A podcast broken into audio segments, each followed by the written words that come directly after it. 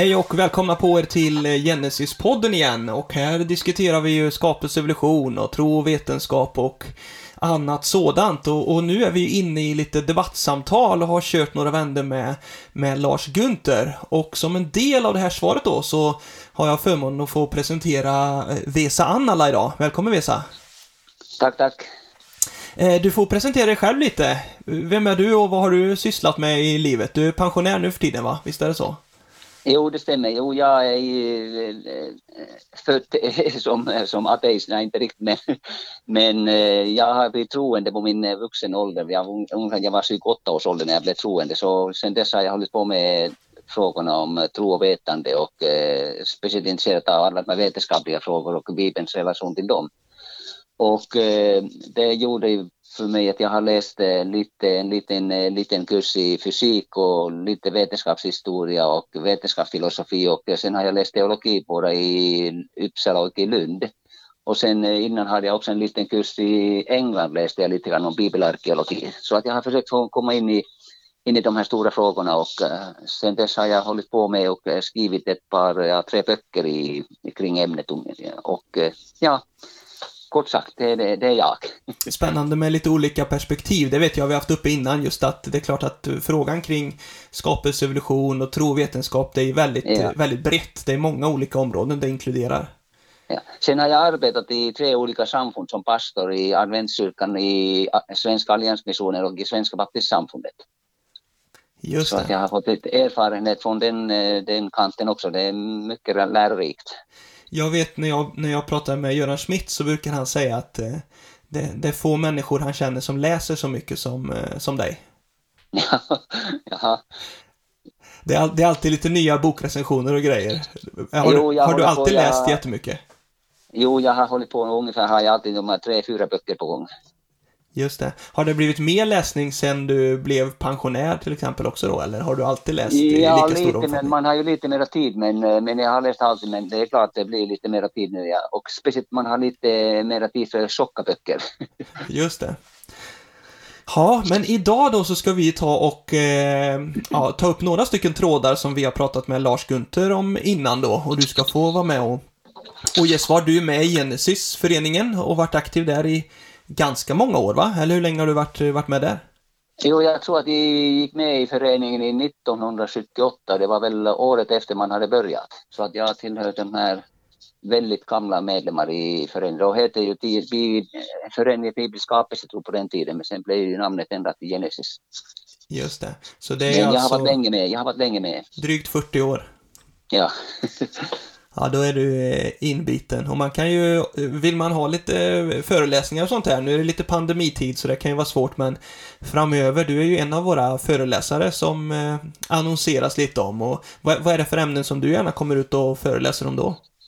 Ja, du vet det är ofta trovetande och eh, skapelsevolution och eh, tidigare var jag ganska ofta faktiskt i skolor, i gymnasieklasser och fick eh, föreläsa där och eh, det var väldigt intressant att möta de här väldigt sekulära ungdomar som ville pröva på en hur, hur, hur, hur man är förstås. Och då fick vi alltid presentera först en evolutionsläraren för eleverna så att de förstod vad jag höll på med. När, jag, när de förstod att jag förstår vad evolutionsläran är, då kunde jag gå över till skapelsetron och berätta om varför jag är skapelsetroende. Och det var väldigt trevligt spännande möten som jag hade ofta i skolan. Ja, det kan jag förstå är intressant. Eh, men om vi då tar och dyker in i lite eh, frågor här då, så en av de övergripande frågorna som vi har pratat en del om och diskuterat sen tidigare här då är ju just kring eh, skapelseberättelsen, eh, syndafallsberättelsen som man kallar den. Eh, och eh, ja, lite om, lite om hur den läst genom kyrkohistorien och, och, och sådär. Och, och Gunther talar ju en del om att att det på ett vis eh, dyker upp någonting, eh, ja, inte helt nytt menar jag verkligen inte, men ändå att det sker en skiftning i hur man läser historiska texter och bibeltexter under, under 1800-talet och det här. Och eh, ja, delvis är det intressant att höra lite från, från vad du har läst då kring, ja men just kyrkofäderna, hur, om vi börjar där liksom, hur, hur, eh, hur lästes de här texterna, första Mosebok, första kapitlen, av olika kyrkofäder och Jo, du vet, det beror på lite grann varifrån man kom. De kyrkofäderna som eh, hade den alexandrinska skolan bakom sig, alltså Origenes, Tertullianus och andra, de blev väldigt starkt påverkade av den eh, grekiska världsbilden Aristoteles och eh, de läste ofta Aristoteles in i bibeltexterna. Och det är väldigt typiskt hos de här tidiga kyrkofäderna som Tertullianus och framförallt Origenes. Origenes kom på den här allegoriska bibeltolkningen och för honom är det väldigt eh, starkt med allegorier. Det är, det är det som eh, Bibeln består mycket av. Man ska leta efter den andliga innebörden i texten alltid, inte den ytliga texten. Och det var väldigt eh, populärt på tidiga kyrkofäder, men det är en del höll på väldigt starkt också i den normala vanliga bibelläsningen, nämligen de tog texten helt naturligt. Just det, så det finns en det finns en uppdelning, så det är klart att man har läst den här bibeltexten på olika sätt genom hela kyrkohistorien. Ja. Men, men du menar att det finns ett starkt eh, alltså, grekiskt inflytande som påverkar det här synsättet? Ja, visst, du vet när, när de grekiska texterna översattes i klostren och genom arabiska kom de till den medeltida kyrkan och sen översatte de till, till latin och du vet de blev väldigt eh, stark påverkan på den katolska teologin genom sen Thomas Aquinas och eh, så Aristoteles blev någon slags helgonförklarad inom kyrkan på det viset och hans, hans idéer fick väldigt stark inslag i den katolska teologin. Men det är klart, då är vi långt senare, då är det ju tusentalet och framåt då kanske, ja, där det ja, fick stort. Men, ja, men fick, fanns det grekiska inflytandet även stort tidigt där liksom då med Origenes och, och det också? Jo, det var det, var, men sen glömde man bort de här grekiska texterna och sen uppstod de i, i den eh, islamska kulturen som via dem kommer till, det, till den medeltida klosterväsendet. Du vet, man återupptäcker de här, latin, de här antika texterna och eh, då blir de väldigt centrala i den eh, kristna teologin. Eftersom eh, båda Origenes och, eh, och eh, de andra de har blivit påverkade starkt av den, den klassiska grekiska tänkandet i Alexandria, de kom ju därifrån och där hade den grekiska kulturen väldigt stark. Och då blir slut, slutsatsen, finns...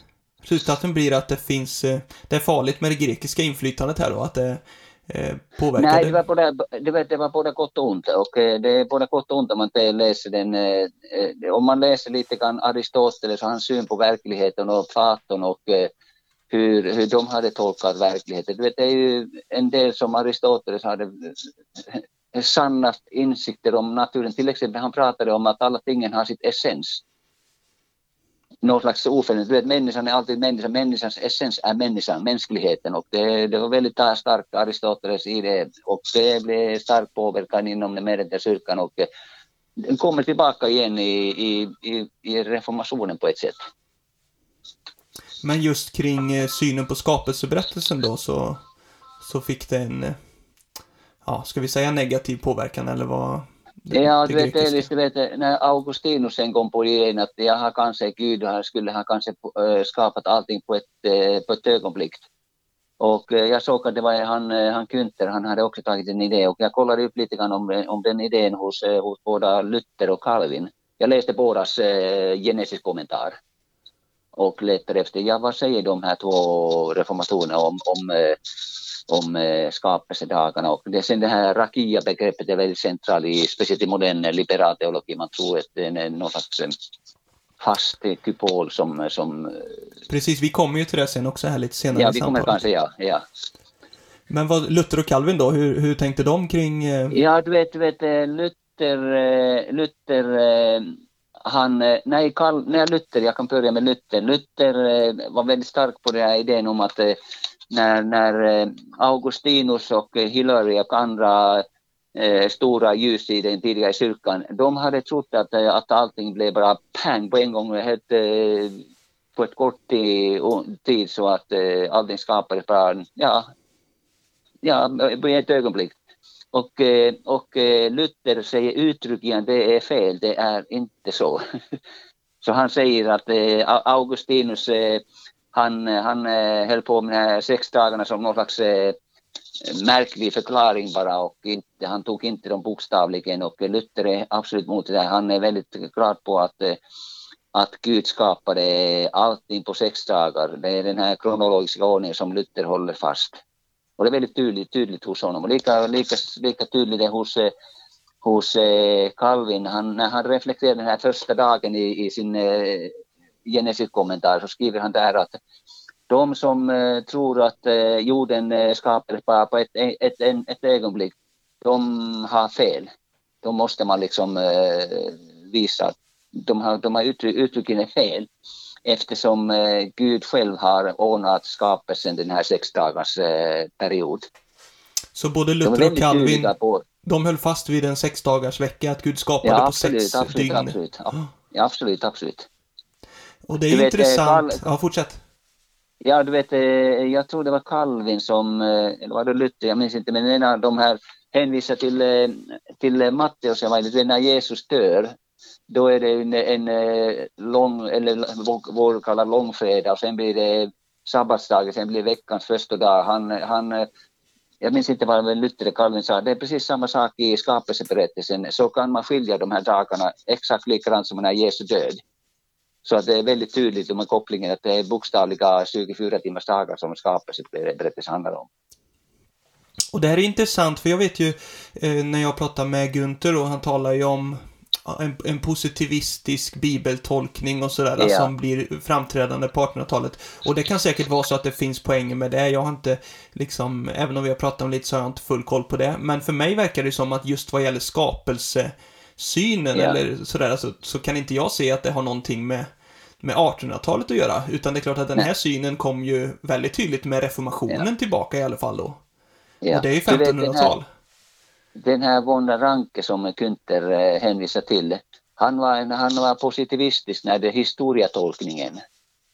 Och eh, hur mycket han påverkar teologin, det vet man inte riktigt, men jag hittade en bok som jag har hemma av en som heter Harry som har gjort en, eh, en gammaltestamentlig historia. Där nämnde han den här Rankes och hans betydelse, men eh, det var väldigt, ofta ganska överdrivet utifrån den här Rankes förståelse av eh, historia. Man betraktar honom som en god historia. Han ville be be beskriva historien som det verkligen är utifrån texterna. Men om jag skulle använda ranken eh, idé i skapelseberättelsen så ska man läsa skapelseberättelsen väldigt naturligt utifrån rankens syn på historien.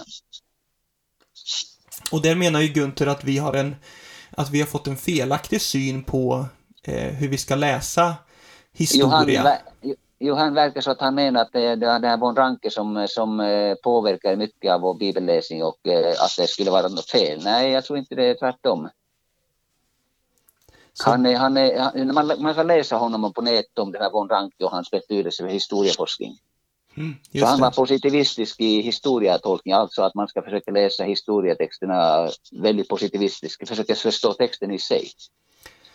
Och, och, det är klart att om vi går tillbaka till Luther och Calvin då så kan man ju säga att eh, de verkar ju ha läst skapelseberättelsen precis som du och jag gör. Att det är en, ja, absolut, en, absolut, en rätt fram enkel beskrivning av en historisk händelse. Ja, visst. Så de var ju inte påverkade av von Ranke givetvis då, för han var ju 300 år senare. Nej, han, han var ju senare, men jag blev lite överraskad när jag läste båda Calvins och uh, Luthers uh, Genesis-kommentarer just om de här skapelserna. Oj, var de så tydliga? Jag visste ju tidigare att de var väldigt tydliga, men att de är så tydliga i den frågan, det var lite överraskande för mig faktiskt. om vi då går vidare till lite specifika saker här som vi pratade om så eh, pratar jag och Gunther lite om eh, ormen då. Den här ormen yeah. som finns i syndafallsberättelsen. Jag tror våra lyssnare har koll på den, annars får man läsa första Mosebok kapitel 3. Och eh, då, yeah. då säger ju Gunther det och påpekar att det står ju ingenstans här att det här är en en besatt orm, för det är ofta så som vi kristna tänker oss eh, eh, den här berättelsen. Att det här är djävulen yeah. som talar genom ormen. Men ingenstans står ju det, utan han pekar ju på att det här skulle kunna indikera någonting annat då liksom. Och att man inte kan läsa in eh, så mycket liksom i den här ormen som vi ofta gör. Vad, vad skulle du säga om det? Nej, du vet, det är ju, det är ju en eh, stor fråga. Hur ska vi tolka det? Vi vet bara när Gud hade skapat eh, ormen så står det bara i tredje kapitel om att eh, att ormen var listigaste av alla andra markens djur som Herren Gud hade gjort. Alltså han har skapat ormen i samtidigt som alla andra markens djur. Men den är, ormen är listig och du vet den här listig, ordet naken är på hebreiska är nästan identiska, det är samma eh, äh, radikaler, konsonanter och det är någon slags ordlek mellan listighet och nakenhet. Vet, vi ser när Adam och Eva faller till eh, äh, frestelse så Gud kommer till, till äh, eh, paradiset frågar efter Adam och Eva. Så säger Adam, jag är naken. Vem har sagt till dig att du är naken? Du vet, det här är naken listighet. det var den listiga ormen som lyckades locka dem till att falla. Då blir de nakna. Och den nakenhet är inte bara eh, andlig mening utan bokstavlig mening. Det är något slags spel med det här. Och, eh, och sen vet vi bara sen eh, senare, ni vet i Uppenbarelseboken 12 att där identifieras eh, djävulen, ormen från urtiden. Precis, Men i Uppenbarelseboken ja. Ja, du vet, det är uppenbart. Sen, ska man börja prata om eh, att ormen var besatt av djävulen. Nej, det, då går man lite för långt kanske. Mm. Men vad tänker du att ormen var då? Den kunde ju prata i alla fall också, står det om det liksom. Det är ju märkligt. Ja, visst det är märkligt. Sen, sen, står det bara att när Gud hade förban, förbannade ormen, ormen skulle krypa på marken. Och den skulle äta stoft, markens stoft. Och det är mycket sånt här som eh, varken jag eller någon annan kan riktigt förklara. Du vet, det blir väldigt spekulativt hur man ska tolka det där. Var ormen besatt av eh, djävulen eller när skapades djävulen? Du vet, det är också en fråga när man läser skapelseberättelsen. Du, du finner ingenstans när änglarna skapades. Det står ingenstans i skriften. Vi vet bara att de är också skapade varelser. Men du menar ju fortfarande att det är en historisk skildring i alla fall, det här med ormen? Ja, absolut, absolut. Ah. Det, det är en bokstavligt, du vet, om ni tänker på det, det är ju Eva och Adam i Edens trädgård. Sen hör de, eh, det börjar ormen prata med dem och eh, börjar tala med dem och eh, undrar, har Gud verkligen förbjudit er att äta från alla träden i trädgården? Ja, nej, inte från alla, men en, säger Eva sen. Träden på, som ger kunskap på gott och ont. Och jag är helt övertygad om det, det är bokstavligt hörbar samtal mellan de här. Att ormen kunde prata, det, ja. Men du vet, det finns mycket som vi inte kan förklara. Men det är den här naturliga läsningen som jag läser. Det som jag inte förstår, det lämnar jag och försöker inte ens förklara. Om vi bara gör igen, nu, nu blir det spekulativt då, men jag får ställa frågan ja. ändå. Men om man tänker sig att, alltså, våran värld som vi har idag, den skiljer ju sig ändå på vissa sätt kring den ursprungliga skapelsen. Är det en del ja, av förklaringen? Ja. Eller vad tror du? Vet, du? Eh, ja, du vet, det finns ju, sen kom, eh, kom eh, när Origenes kom in i bilden. Det Origenes var den första som tolkade Jesaja 14 och de här några verserna till att det skulle handla om ormens eller djävulens fall i, i andevärlden. Det finns en text i Jesaja, jag tror det är, är det kapitel 14. Det finns en, eh, jag ska slå upp det där om det finns där. Eh, nej, inte, jo, Jesaja, nej, inte, det är inte 14 utan det var någon av de här verskapitlen där. Men du vet, det står om den här morgonstjärnan som hur du har fallit ner från eh, eh morgonstjärnan och det i, vi känner ju alla till namnet Lucifer och, eh, och eh, det är ju djävulens namn. Och eh, man trodde ju att djävulen, eller Origenes var den första som tolkade det så att det fanns en andevarelse, ängel i himmelen som föll och den, den här ängeln blev djävulen. Men Origenes hade ju den föreställningen om att den andliga världen har kanske alltid funnits.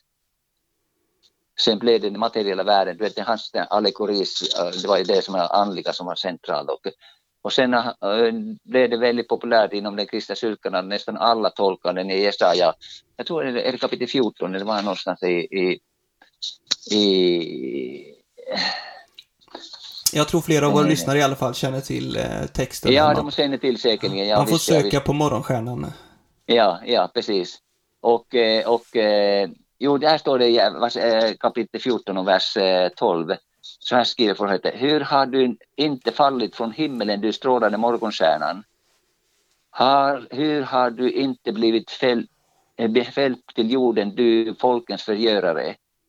Det var du som sa i ditt hjärta, jag vill stiga upp till himmelen, högt ovanför Guds stjärnor vill jag ställa min tro och så vidare och så vidare. Sen kastas den här eh, morgonstjärnan ner från himlen och Origenes var den första eh, kyrkofadern som tolkade att det här handlar om djävulens fall. Ja, det är spännande detta, men i alla fall så kopplat till ja. skapelseberättelsen då så eh, menar ju du att vi, vi, en bokstavlig enkel läsning utan att lägga till saker, det, det är ja. så långt vi kan komma, vi kan, inte, vi kan inte veta mer än så. Nej, eller det blir den här spekulativa tolkningen som Origen då säger, ja det var ängens, ängeln som föll i himlen och han kastades ner på jorden, han kom till paradiset och, och frestade Adam och Eva där och fick dem att falla. Det är liksom hans föreställningsvärld. Och sen, eh, sen eh, då blir det för honom att jaha, djävulen besatt ormen. Om nu, om nu, eh, om nu Origenes trodde på någon bokstavlig orm, det vet inte riktigt jag hur det var för honom. Men det är den historien som han, han föll med. Om vi hoppar vidare då, Vesa, till detta med rakia. Det här ja. himlavalvet, eller vad är det? Det är ju hebreiska då. Jag vet inte hur det uttalas riktigt. Ja, det är men... rakia, det är rakia, det är hebreiska ordet precis. vad är det för någonting? Ja, du vet, jag läste för skoj. Du vet, rakia, det, det ordet förekommer första gången där i skapelseberättelsen. Och jag tror det förekommer, det, det ganska många gånger det förekommer i, i skriften. Men ingenstans får du en riktig förklaring i skriften vad det betyder. Du vet, om man läser skapelseberättelsen, eh, där står det bara att och rakian kallade han för himmel. Alltså det betyder samma sak, rakia och himmel är synonyma till varandra enligt skapelseberättelsen. Första Mosebok kapitel 1 och vers 8 är vi på va? Ja. Gud ja, kallade ja. valvet himmel. Ja. Det blev afton och rakia, rakia, där rakia kallade han himmel. Och sen, eh, du vet, sen eh, när man läser, jag kollade alla bibeltexterna, det finns ingenstans i någon förklaring i, i den hebreiska texten vad ordet rakia betyder. Och det blir väldigt, väldigt eh, subjektivt. Vem, vilken slags tolkning ger man till ordet rakia? Och det, det slår jag också, också, också hos Calvin och Luther, hur de har tolkat, tolkat rakia. Det var intressant hur de, eh, de läste den eh, texten också. Och eh, både Luther och Calvin har den för, förståelsen av att eh, Luther eller Calvin, vilket det var, de, Lut, nej det var Calvin som beskrev det att rakia betyder bara vår atmosfär och det som är ovan där borta. Allt som är ovanför vår eh, eh, atmosfär, det är rakia för, för Calvin. Och sen Gud satte det som är ovanför molnen och ovanför där satte Gud sedan stjärnor och allt det där. Och, eh, och för de hade ingen föreställning om att rakia skulle vara någon metall eller något liknande utan båda är väldigt tydligt i, när de läser sen eh, den hebreiska texten att rakia betyder utsträckning, att sträcka ut. Och har ingenting med något, eh, något bokstavligt krej att göra utan att Gud sträckte ut himmel, himlavalvet. För Gunther menar ju det att den vanliga läsningen av, av detta är ju att att man i kyrkohistorien och sådär, att det är en hård kupol eh, som finns där uppe, där stjärnorna Nej, det... och månen där sitter i. Och... Nej, det är inte alls sant. Du vet, och de som tolkar det, då är det en man i den aristotelesiska världsbilden. Så det är som tråkigt, man blandar ihop den bibliska berättelsen med Aristoteles världsbild. Du vet, Aristoteles hade det var ju sju, sju sfärer som allt fungerade i. Och eh, då, då läser man Aristoteles världsbild in i bibeltexten och det är väldigt olyckligt. Jag vet och det, att han... gjorde inte, det gjorde varken eh, Calvin eller Luther, de var helt fria från Aristoteles i den, i den frågan. Men jag tror att han nämnde att Luther, han, han sa ju kanske, eller om det var Calvin, att, att man måste liksom se den här eh, rakian som en eh, fysisk kupol eller vad det kan vara då. Ja, du vet, jag kan läsa här lite grann eh, vad Luther skriver, ja, men jag, jag hade varit på engelska. Men eh, jag kan översätta lite grann. Han, när det står det här ordet, eh, låt det bli, eh, vad är det, vad är den svenska texten, här, ljuset eh, eller himlavalvet. Och eh, Luther skriver att eh, Guds jord gör det väldigt eh, klart att eh, luften och dess eh, tjock, tjock, eller täthet och, eh, och eh, ljuset eh, blir hårt som, som eh, jag vet inte vad, vad han menar, men någon slags hård. Men han menar att det är Guds ordet som har gjort det här väldigt bestående. Inte så att det är någonting som är bokstavligt hård, utan det är Guds ord som har gjort det till bestående som inte, kan, som inte går att rubbas. Det är ungefär det som är Luthers tanke om rakia. Precis, att det kommer alltid finnas kvar då. Guds ord har befallt ja, precis, att det ska precis. finnas vet, om, Ja, du vet, det är ju, det är ju äh, psal, psaltartexten säger vi genom Herrens ord har himlarna äh, skapades. Alltså det som Gud har skapat är bestående, ingen, ingen kan rubba den. Och det är det som rakia står för i princip. Någonting orubbligt, eftersom det är Gud som är bakom det här som är orubbligt. Man skulle nästan säga i Jeremia talar om, om himmelens lagar som, som, som styr er himlavalvet. Och Jeremia ställer, eller Gud ställer frågan till Jeremia, när dessa lagar upphör att gälla så ska jag eh, överge min, mitt eh, förbund med Israel och Guds folk. Du vet, jag tror att det här beskriver det här Guds skapelseverkets bestånd, bestånd det, det kommer inte att rubbas eftersom det är Gud själv som har ordnat hela himlavalvet.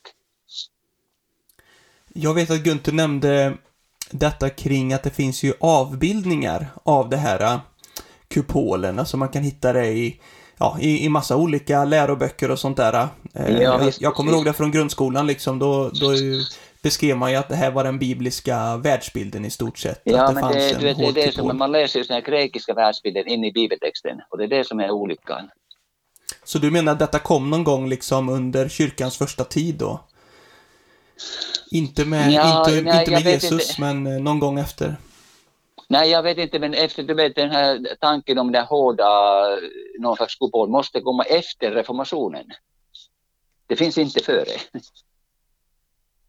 Det måste bli efter reformationen, men man skulle leta efter, det kanske finns någon, någon som har gjort någon doktorsavhandling om, om rakia och eh, då skulle man få säkert veta hur den här historiska utvecklingen varit kring den här termen rakia. Och som jag sa, jag har kollat de här bibeltexterna, jag har bara hebreiska texten och det finns ingenstans i bibeltexten som skulle förklara rakia som man gör ofta modern teologi, någon slags kupol som är ovanför. Det är bara den här sträckningen man, man talar om, man, Gud, det är Gud som är, du vet, eh, bilden används som en tält. Men det är en bild, det är en, en metafor för himlavalvet, den här tälten som finns i skriften. Och då tar vi inte den bilden som bokstavlig, eh, okej okay, vi tar bilden bokstavligt, men vad står bilden för det? Jo det som är välva runt om oss, det är det som är som en tält. Som du vet, den här bilden finns i psaltartexterna. Precis, men det är klart i saltatexten då är det som du säger, det är en bild, en metafor. Ja, ja, ja, ja. Någon gång, jag vet inte om detta stämmer då, men Septuaginta, kan det ha översättningen liksom från hebreiska till grekiska? Septuaginta heter ju en tydlig sån översättning. Jo, stereoma. Har den påverkat? Ja, du vet, Septuaginta har stereoma. Och eh, den används i många, ganska många sammanhang. Du vet, eh, Nya testamentet, Paulus använder ordet stereoma i när tron är fast. Det är också nytestamentliga termer, ordet stereoma, som, som Septuaginta har översatt rakia till stereoma. Något som är fast. Och Paulus använder ordet som, som vår tro är fast, alltså stereoma. Och vi vet, vi vet att Paulus menar något som är fast i tron, det har inget med bokstavliga saker att göra, utan det är en övertygelse. Vi tror på det som Gud har sagt. Det står fast. Och det är mycket intressant, man ser det här ordet stereoma används ganska ofta i Septuaginta och i olika sammanhang. Sen använder Paulus också ordet i Nya Testamentet. Precis samma ord. Men kan det ha fått människor att tro att det var någonting fysiskt fast, den här grekiska översättningen? Eller det kanske inte har med saken Nej, att göra? Nej, du vet, du vet den föreställningen kommer via, via latinets eh, eh, firmament. Det är det som, du vet den latinska texten sen översattes till Septuagint, eller till vad heter det, Vulgata, bibelöversättningen. Och då får man den här felaktiga bilden lite grann, den här, den här latinska termen, även om latinska termen betyder också eh, eh, någonting som bara utsträckning i, i grunden. Det kan man också läsa hos både Luther och Calvin, de har grupplat över den här texten också. Och de läste den latinska bibelöversättningen, som, eh, vad heter den, Vulgata. Och där förekommer ordet eh, firmament och Luther skriver om den här eh, Rakia att eh, det är Gud som har eh, etablerat allt genom sin eh, eh, eh omnipotent power, du vet den här eh, mäktig kraft som genom sitt ord. Och det är väldigt tydligt hos Paul, jag blev lite överraskad på att Luther och Calvin var väldigt tydligt i den här frågan när de avfärdar alla de här konstiga sakerna. Även, även om Luther trodde på den här tolemaiska världsbilden, Luther beskriver hur planeterna går runt jorden och alla de här bitarna. Han hade anammat helt den aristoteliska världsbilden. Men Calvin var lite mer öppen i den frågan. Intressant. Vi får väl stanna där, men slutsatsen blir ju att eh, att eh, det verkar inte som att det är så självklart att man måste läsa det som en hård kupol. Utan, nej, nej, utan det nej. står inte i Bibeln grundläggande. Utan, eh, nej. Du vet, jag har, jag har också många av de här evangelikala teologer som, som har teistisk evolutionister. Och dem, I deras böcker finns alla den här bilden, den här aristoteliska världsbilden. Du vet, eh, det finns himmel längst uppe och sen har man helvetet längst ner och där har man olika sfärer och det är väldigt falsk bild. Det finns ingenting sånt här i skriften. Det är väldigt svårt att hitta. Och eh, jag tror där vi som, eh, som arbetar med genesisfrågorna, vi, vi borde få mera fram just den här historiska utvecklingen kring ordet rakia och de här tankarna. Så att eh, Sen pratar vi även i, i avsnittet med Gunther om Adam och Eva och historicitet och sådär. Eh, yeah, och Gunther yeah. menar själv han är öppen för, för synsättet antingen att Adam och Eva är historiska personer eller att de inte var det. Eh, yeah, men det vi talar om är lite detta med myt och, och om personer eh, måste vara historiska för att de omnämns i Bibeln. Eh, vad skulle du säga om, om de tankarna? Ja, du vet, det måste man ju ta dem eh, som, eh, som eh, faktiska personer. Du vet, när jag arbetade i Lund, jag skulle förbereda för min eh, doktorsavhandling, jag skulle arbeta med darwinismen och den evangelikala teologins antropologi. Det fick jag inte göra eftersom man tyckte inte om Darwin i Lund. Men jag minns alltid, jag satt i, i ett seminarium, jag skulle argumentera för mitt, eh, mitt projekt, att jag skulle titta på de historiska frågorna utifrån evangelikala teologin. Och sen eh, det var massa folk i seminariet, de började hånskatta åt mig och, och jag ställde den enkla frågan till de här duktiga teologerna.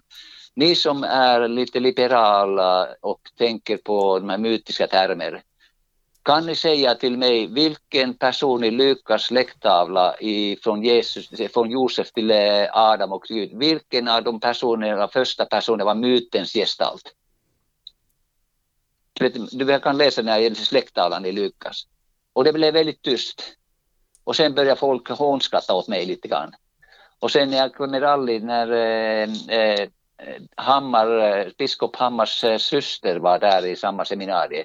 Och han, hon blev väldigt arg på de här. Ja, ni skrattar åt honom eftersom ni kan inte svara hans fråga. Det alla teologer visste att vem var den första mytens gestalt i Lukas släkttavla från Josef till Adam? Det är ingen som. Jag frågar, är det, är, det, är det David, är det Abraham eller är det vem av dem var mytens gestalt som var inte verklig person? Ingen kan svara på den här frågan. Du vet, alltså då blir Jesus släkttavla enligt Lukas, det är också en här biologisk släkttavla från Josef. Josef var ju adoptivpappa till Jesus. Men Jesus är också biologisk sett Guds son genom Adam. Men han är också Guds son genom den heliga anden. vet Lukas berättelse om att anden skulle komma över Maria och han, han skulle, hon skulle föda ett son som kallas Guds son. Och det är väldigt tydligt, man kan inte koppla bort någon person av, av Lukas släkttavla. Då måste de förstå de här som, som biologiska eh, förfäder. Det är så Lukas ställer upp hela släkttavlan. Det som, och vi pratar ju lite om myt och sådär med Gunther, men yeah, också, yeah. alltså han hänger inte upp sig på ordet myt, utan han vill väl mena att det finns olika perspektiv på detta då. Eh, att det yeah. skulle vara någon allegori, allegori eller bildig berättelse av någonting som har hänt också. Men någonstans så, det som vi kommer till då är ju mycket om, om Bibeln talar om personer som inte är historiska. Han, han talar om Jannes och Jambres är ju två personer som nämns i Nya Testamentet ja, eh, på ja. ett ställe. I, ja. Är det Judas eller Jakobsbrevet eller vilket är det? Det är Timoteusbrevet. Timoteus är det. Ja. Men vad, vad skulle jag... du säga om det liksom? För han menar ju att han tycker det är uppenbart att de här inte är historiska personer, eller att Nej. de inte måste vara historiska personer i alla fall. Nej, det var inte alls svart. Jag rotade också i det här frågan Jannes och Jamres. Jag har eh, Charles, eh, Charles eh, de här två eh, gamla testamentliga pseudobigrafer. Och där finns till och med den här texten om eh, Jammes och Jamres text. Och sen finns långa kommentarer till det där. Och eh, det finns ingenting som säger att de inte skulle ha varit historiska personer. Till och med eh, blir nu den äldre av den romerska historikern, han nämner eh, eh, Jannes. Så att jag kollade upp faktiskt in i de här frågorna och eh, det är ju, du vet de här, den här texten om Jannes och Jamres, den här översatt, jag tror det var fem eller sex olika språk. Det finns eh, två fragment som man har funnit. Det ena finns i biblioteket i Vienna och den andra i, jag tror det är i London i, i biblioteket där. Så man har eh, kunnat försöka återskapa den här texten om Jannes och Jamres och eh, den var väldigt sänd text i, i den eh, dåtida världen. Inte bara hos judar, utan som jag sa också, den Linus den äldre citerar hänvisar till den boken i samband med att han beskriver om, om Moses. Och det var intressant upptäckt också. Så du menar ju alltså då att eh, eh, även om de inte finns omnämnda i Gamla Testamentet så finns det ingen anledning att tvivla på att de skulle vara historiska personer? Nej, nej, nej, nej, nej absolut inte. det finns mycket annat som man har hittat utanför eh, bibliska texter som, som inte nämns som är historiska personer. Så att, eh, Nej, jag, jag tror det, Günther han går lite för långt när han säger det, de kan inte vara historiska. Man läser just de här, de här kommentarerna till, till Jannes och Jamres. de kommentatorerna är väldigt eh, välade, vet, är det de legender eller med myter eller är det verklig historia bakom det? Det är ingen som kan säga med full säkerhet, men man vet att man figurerar på många olika texter, de här Jannes och Jamres. Och det betyder ju då att slutsatsen från din sida, om vi går till Adam och Eva igen, också blir att det finns ingen anledning att betvivla att det är historiska Nej. personer. Nej. Du vet, då blir det den här frågan som, som många teolo evangelika teologer kämpar med, frågan om syndafallet. Om nu Adam och inte var historiska personer, vad var syndafallet då? Och det är ganska populärt bland eh, teologer, de här liberala och eh, vissa konservativa också, eh, evangelikala, att nej, syndafallet var egentligen ett steg uppåt människan blir medveten om sin eh, moraliska ansvar inför Gud. Alltså syndafallet var inte något ont i sig utan det skapar en medvetenhet om att man, eh, man har en relation till Gud. Och då blir det väldigt märkligt, jaha syndafallet ska det tolkas som en positiv sak i den evolutionära utvecklingskedjan. Det är ganska populärt faktiskt.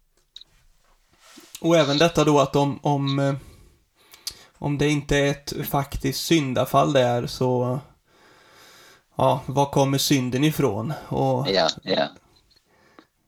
Och du vet, det är väldigt tydligt, Paulus skriver att Gud har skapat alla människor från ett, en, en enda människa, nämligen från Adam. Och från, Adams, från Adam har vi, har vi i, i Adam har vi alla fallit och i Kristus blir vi alla återlösta när vi kommer till honom. Så det är väldigt stark koppling mellan Paulus och eh, hos Paulus mellan Jesus och Adam. Det är väldigt svårt annars läsa texter. Och eh, åtminstone för mig, ju, ler, ju mer jag har läst om det, desto övertygad när jag blir om att ja, nej, det finns ingen anledning att tvivla på Adams historicitet.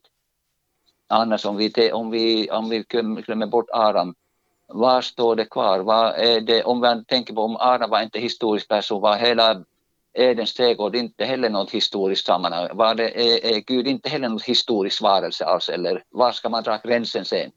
Det är väldigt svårt. Det här är också en fråga, Vesa, som jag kan ta lite extra med det här att, alltså, många gånger tycker jag när man hör teologer som avfärdar liksom vissa delar av skapelseberättelsen, att det skulle vara myter eller bilder eller poesi eller något annat. Så, så direkt så kommer det med liksom, då bara de plockar med att, att uh, syndaflodsberättelsen och Noa och detta också skulle vara myt eller poesi ja, ja. eller bild eller något. Ja, Men det tycker jag är väldigt konstigt att man bara man, man bara skyfflar med det liksom, bara av farten. Ja, du vet, sen är det en sak som, eh, som tyvärr kristna är inte riktigt medvetna om, att det var reformationen som, ska, som, som skapade den här moderna vetenskapen, den här experimentella vetenskapen. Och eh, eh, jag tror det var Kelvin, eh, vad heter det, Kepler och de här andra, de hade den föreställningen att när, när syndafallet ägde rum så förlorade Adam mycket av den kunskapen som fanns i, i, i naturen. Och den moderna vetenskapens syfte ytterst var att komma tillbaka till den kunskapen som Adam hade före fallet. Det är det som är motivationen för den moderna vetenskapen. Men det glömmer man på. Man tror att eh, modern vetenskap uppstod i och, i och med upplysningstiden, men det är helt falsk föreställning. Det är inte sant. Det är reformationen som ger modern vetenskap, den här experimentella vetenskapen. Eh, har du något mer du vill säga, Vesa, som avslutning här? Eller känns det, känns det bra det du har fått eh, nämna kring de här frågorna? Nej, jag tror jag skulle bara uppmuntra alla, alla som läser skriften, läs texten naturligt. Det är absolut det bästa läs, sättet att läsa texten naturligt. Vi kan förstå när vi läser Nya Testamentet, där vi ser hur, vad man menar med Gud, med Adam, med skapelse, med syndafloden och eh, det är väldigt, Nya Testamentet Eh, Eh, författare läser Gamla Testamentet helt naturligt. De förstår precis vad Moses hade sagt, vad Moses hade skrivit eller vad profeten Jesaja hade sagt eller andra. De har precis samma förståelse av hur språket fungerar. Och det här tror jag är det centrala. Tänk på hela, hela den eh, skriftna, eh, den eh, nytestamentliga text, nytestamentliga församlingen uppstår på och ordet blir sött. det är väldigt centralt det här att förstå ordet på rätt sätt.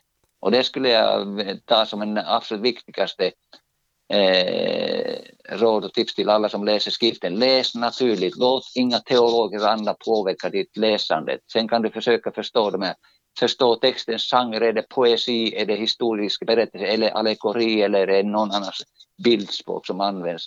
Men det är viktigt att man reder ut alla de här eh, textgenren. Yes, och med det så vill jag tacka så mycket Vesa för din medverkan idag. Tack, tack. Och vi vill uppmuntra alla till att eh, sprida våran podd vidare och även kan vi nämna att man kan gå in på vår hemsida genesis.nu och så kan man prenumerera på våran eh, tidning. Vi har ju en tidskrift som kommer ut fyra gånger per år och eh, där får man mycket spännande kring eh, skapelsefrågan och annat intressant. Eh, så det vill jag nämna med. Och så kan man även skicka in frågor om man har till oss här i podden och då skickar man det till podden genesis.nu podden med 2D. Så uh, säger vi tack och adjö för idag. Tack så mycket Vesa. Tack, tack. Hej då på er.